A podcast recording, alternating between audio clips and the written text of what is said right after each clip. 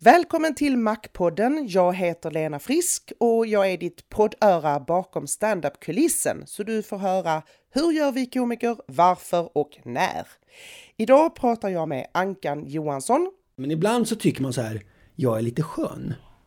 Då, ja, men, och då går det allt. Fan vilken härlig kille jag är! Ja, ja men precis så. Därför att man känner sig trygg och det gick så bra går och sånt. Och så tänker man, fan jag är lite skön.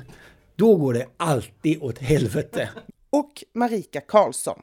Det är liksom ett ras som är som hela min världsbild vänds upp och ner. Och det här vet ingen om. För det här händer när jag är i London, så det här är min egna lilla hemlighet som jag går och bär inuti min, min kropp och min själ i hela 20 år.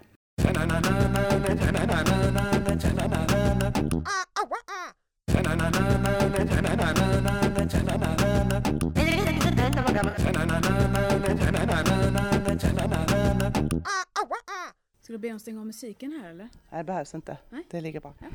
Ja, nu ska jag bara testa här. Nu Du testar, spelar du in nu så Ja, du är jag säker på detta? Yes, Jag ska see. dra ett hårstrå från... Jag kan, annars kommer jag bara titta på den. Ja, Ja, Marika Karlsson. det är jag.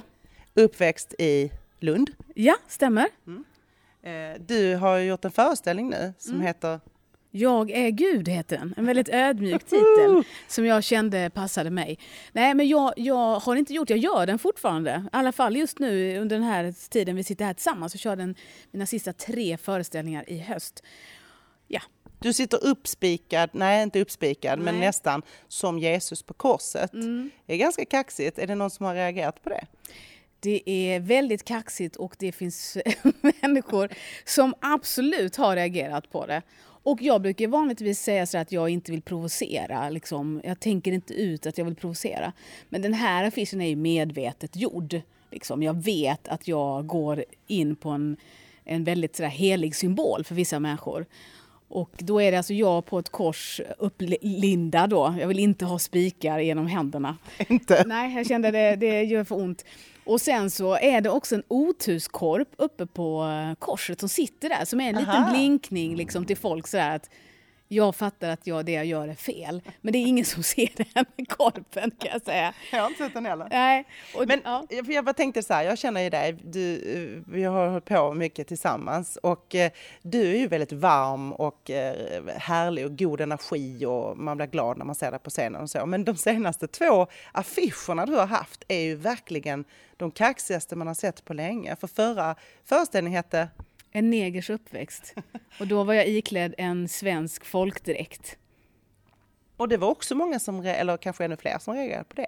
Ja, eh, det var, eh, så det var ett gäng som reagerade på affischen då, att jag som svart kvinna inte får ha en svensk folkdräkt på mig. Men den största reaktionen där var ju att n-ordet användes. Och det blev ju liksom en sån här stor medial grej också och ganska jobbig för mig personligen. Men, men det är ett rätt smart drag ändå att ha en, en tydlig affisch. Den, de har ju verkligen synts, dina föreställningar. Ja, men det, det har de gjort. Jag brukar ofta tänka så, hur skulle grabbarna ha gjort? Alltså, hur skulle jag liksom, så har jag några namn i huvudet, typ Ös och Måns och Schyffert och Batra och sådär. De står inte och ber om ursäkt och har någon liten sån fin leende huvudet på sned. Nej! Man måste liksom så här, fuck that! Ja, här är jag! Föreställningen handlar om att jag är uppväxt då i en väldigt religiöst sammanhang bland pingstvännerna. Och även om mina föräldrar eh, både var och är liberala, öppna i sin syn och jag har en pappa som är teolog och har lärt mig ifrågasätta och sådär. Så fick kyrkan väldigt tidigt ett grepp om mig. Och när jag är 20 år så blir jag förälskad i en kvinna och det är liksom, ja men det är som att dra undan mattan och golvet och cementgolvet under trägolvet för mig. Det är liksom ett ras som är som hela min världsbild vänds upp och ner. Och det här vet ingen om. För det här händer när jag är i London. Så det här är min egna lilla hemlighet som jag går och bär inuti min, min kropp och min själ i hela 20 år. Och kände du då att det här kunde du absolut inte berätta i, den här, i i det här eh, sammanhanget? Absolut inte då när jag var 20. Jag hade aldrig kunnat berätta det. Jag, jag skulle liksom inte ens en gång vågat anförtro mina föräldrar om det. Även om jag tror att de på ett sätt hade kunnat ta det bra. Men det hade blivit sån stor grej av det. Och jag hade, liksom, hade fortfarande en liten tå kvar i kyrkan och kyrkans värld och kyrkans traditioner och sådär. Så det, vad jag gjorde var egentligen att jag bara förnekade det. Alltså att man säger att det har inte hänt.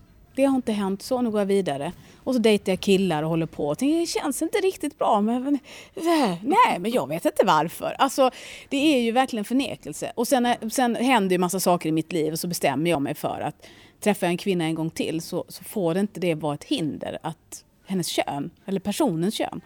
Och så gör jag det och lyckligtvis blir hon också förälskad i mig och då liksom kommer jag ut som man kallar det och då hann jag ändå bli 40 år. Att jag började med standup är bara en, den berömda slumpen. Liksom. Alltså så att jag spelade, höll på med teater och träffade någon regissör som sa till mig så här, ah, tycker du ska testa standup. Jag bara nej, nej, nej, nej. Så tjatade han på mig i tre år och så hittade jag han en kurs som han kunde gå. Som jag till slut vågade anmäla mig på och tänkte jag kan gå en kurs. Liksom.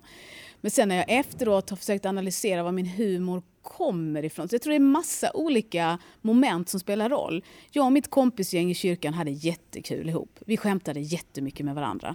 Och framförallt så skämtade vi mycket om oss själva. Vi liksom var aldrig elaka mot varandra utan alltid så varmt och hjärtligt. Sen har jag jobbat inom vården där, det är någonting ja. man gör där, så är det att man skämtar. Man måste det. Man jobbar med liv och död. Och det är mm. så ibland så hårt och kallt och brutalt. Så att man måste gå in i personalrummet och bara pysa ut någonting. Liksom. Så alla bara, vi får bara skratta av oss.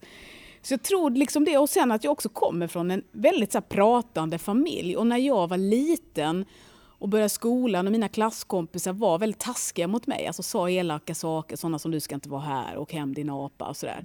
Det var ju, gjorde ju jätteont, det var jättesvårt. Och människor som var ofta plumpna och sa liksom, saker som de kanske inte menade så elakt. Men det blir ändå så här, vad bra svenska du pratar. Eller liksom, känner du eh, Nogasa? För han kommer också från Afrika och det gör du. Och då, mitt terapisätt var att komma hem, berätta det här för mamma och pappa och spela upp det som att det var en scen egentligen. Och så skrattade vi jättemycket åt det. Så jag, alltid, och det är ju egentligen samma som jag gör idag fast på scenen. Liksom. Så det tror jag att jag fick med mig redan från sju års ålder. Det är ju lite grann männens värld, eh, den här, den ganska maskulin värld, alla producenter och projektledare och allting. Mm, så, mm. Eh, så även om det börjar komma fler tjejer så är det rätt maskulint. Hur har du märkt av det?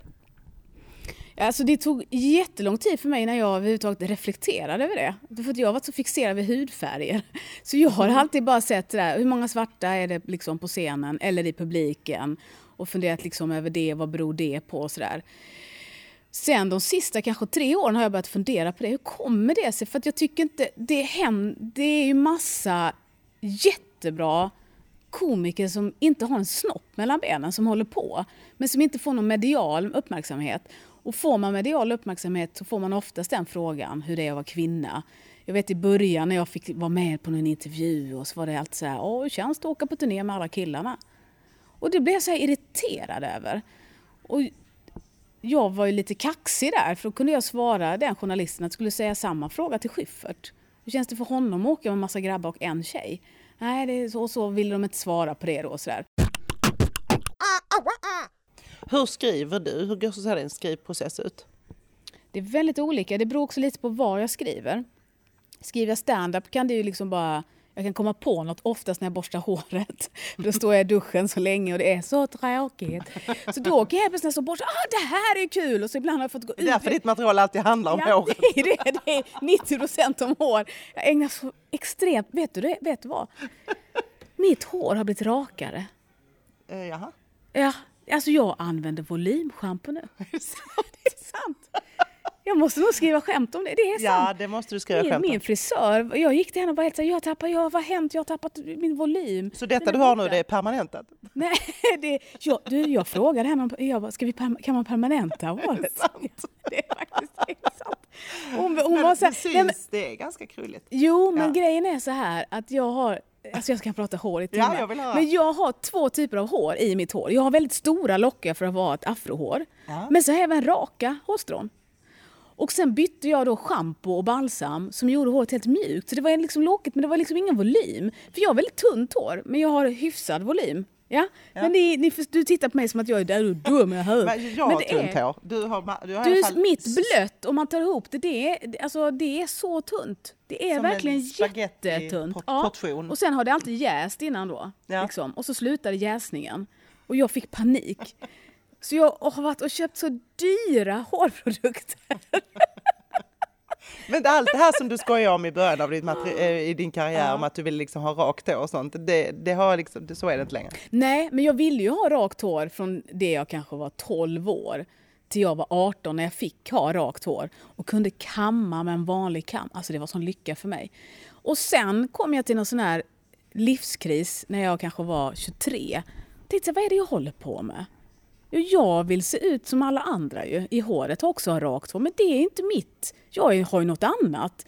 Och då blir jag så, nej jag ska ha mina lockar. Och sen har jag faktiskt älskat mina lockar sedan dess, från att ha hatat dem. Men jag ägnar väldigt mycket tid åt mitt hår och det gör ju väldigt många, både män och kvinnor kan man väl lugnt säga. Men det gör då att du får material. Ja, det gör ju det. Det gör ju det. Och, borsta ut det här håret. Ja. Så, att, så, så kan jag skriva, eller, eller så går jag upp och liksom så här bestämmer mig för att jag ska skriva, försöka skriva några skämt och sitta en stund. Och väldigt mycket bollar jag med kollegor. Alltså att jag sitter hemma och skriver lite, sen ringer jag någon och säger kan inte vi ses och bolla lite. Liksom. Men som när jag skriver till föreställningen, då försöker jag se det som att jag har liksom ett, ett, ett mer traditionellt jobb. Gå upp på morgonen, säga hej då till familjen och sen sätter jag mig och skriver. Och då, där handlar det väldigt mycket om att producera mycket text. Så den föreställning jag skriver nu som är en och en halv timme, jag har säkert skrivit material för ja, det tredubbla liksom. Och sen går man in och sållar och tar bort och ändrar och så. Så då är det liksom mer som att jag tänker mig att jag nästan är författare. Nu sitter du fyra timmar här och bara skriver. Och ibland får man kramp och det händer inget och ibland bara rasslar det till liksom.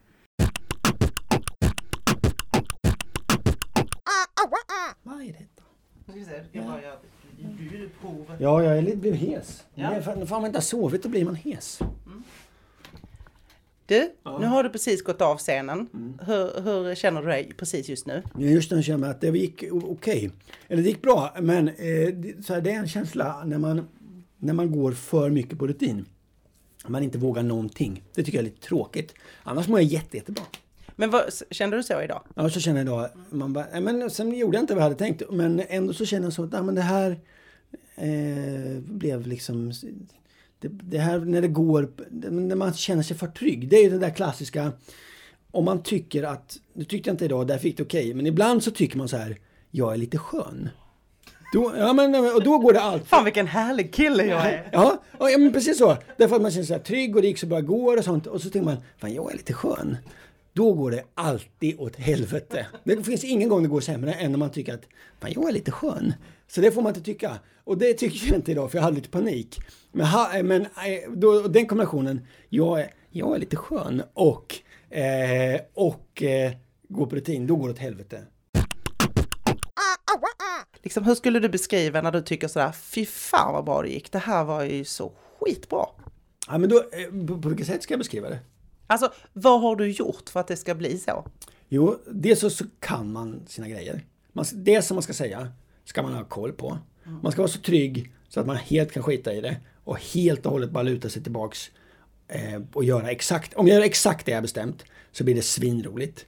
Och så har man det och så bara, och då kan man, då kan man vad som helst få hända sen. Då kan man ge sig iväg och börja fundera eh, och göra med publiken och dit och dattan. Så man bara, Men om man tror att det räcker, idag går jag ut och bara och kör och är lite skön. Nej men, jag, men sådär, eh, man måste kunna, det, sin, kunna sin skit liksom. Och sen, sen kan man strunta i den. Eh, men, och det där är ju en sån här klassiker, men om man verkligen, verkligen kan vad man ska göra, då kan man slappna av.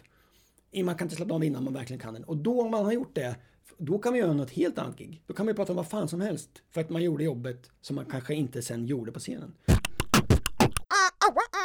Jag var en liten, liten kille eh, och ville spela eh, och gjorde revolt på en jävla massa sätt. Eh, på en sån här mesig revolt. Eh, ja, men, ja, men så gjorde jag också massa, jag gjort jättemycket dumt då när jag var liten, men det var för att jag var så liten. Och jag ville bli känd. Eh, ja, men för, det var nog för att jag var så liten. Och det är ju skämmigt nu att sitta här och vara liksom 43 och säga att jag ville bli känd. Men det var, det ville jag. Men alla tänker väl ändå så någonstans, fast man vill inte erkänna det. Ja, ja, kanske. Men det var en ganska stor drivkraft. Och det är ju inte så här. Men då, nu låter det som jag är 100 år, men, eh, men då fanns det ju inte Farmen liksom. Men jag tror att jag kanske hade anmält, om det fanns hade jag kanske anmält mig. För det var en, men nu var det så att det fanns inte. Och då blev det en ganska bra drivkraft för då gjorde jag svin mycket grejer.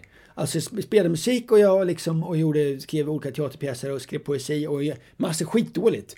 Men det gjorde jag gjorde, när jag flyttade till Lund då, eh, då, då skulle jag spela teater, jag höll på scenskolan jag gjorde. Och det, var, den, det erkände jag inte för någon i världen. Men då, drivkraften var ju att jag ville bli känd, för jag ville också ligga med någon och sånt.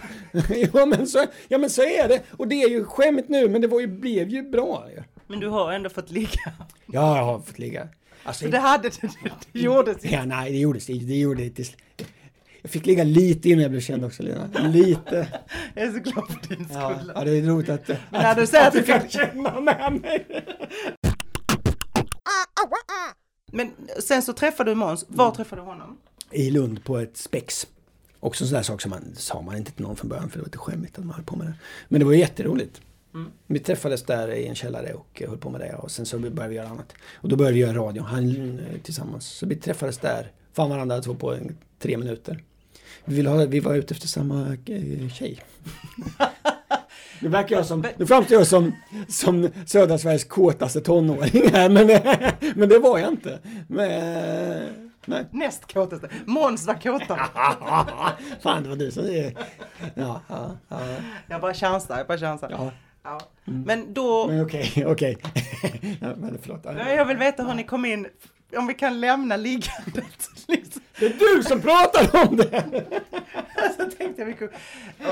Och så fick han ligga och allting blev bra. Men, eh, så, Nej, men om jag ska vara allvarlig, mena allvar med detta, mm. på riktigt, eh, eh, så var det en dikt. Men, eh, eh, eh, så att jag, jag var, jag ville jag vill bli stor konstnär liksom. Det var sånt jag ville bli. Jag blev så, här. så jag höll på att spela teater, det var mycket sånt där. Ville, du vet, det var det jag ville bli. Och hänga i Linköping med de alla som hade svarta kläder och sånt. Det var den... Så det andra kom ju, bara kom ju sen på något vänster. Det var inte alls meningen. Ja men hur kom det? Ja men det var ju, det är ju lite, det är ju så man märker ju någonstans, om man har provat på hundra saker så märker man att den här, de här tre är jag lite bättre på.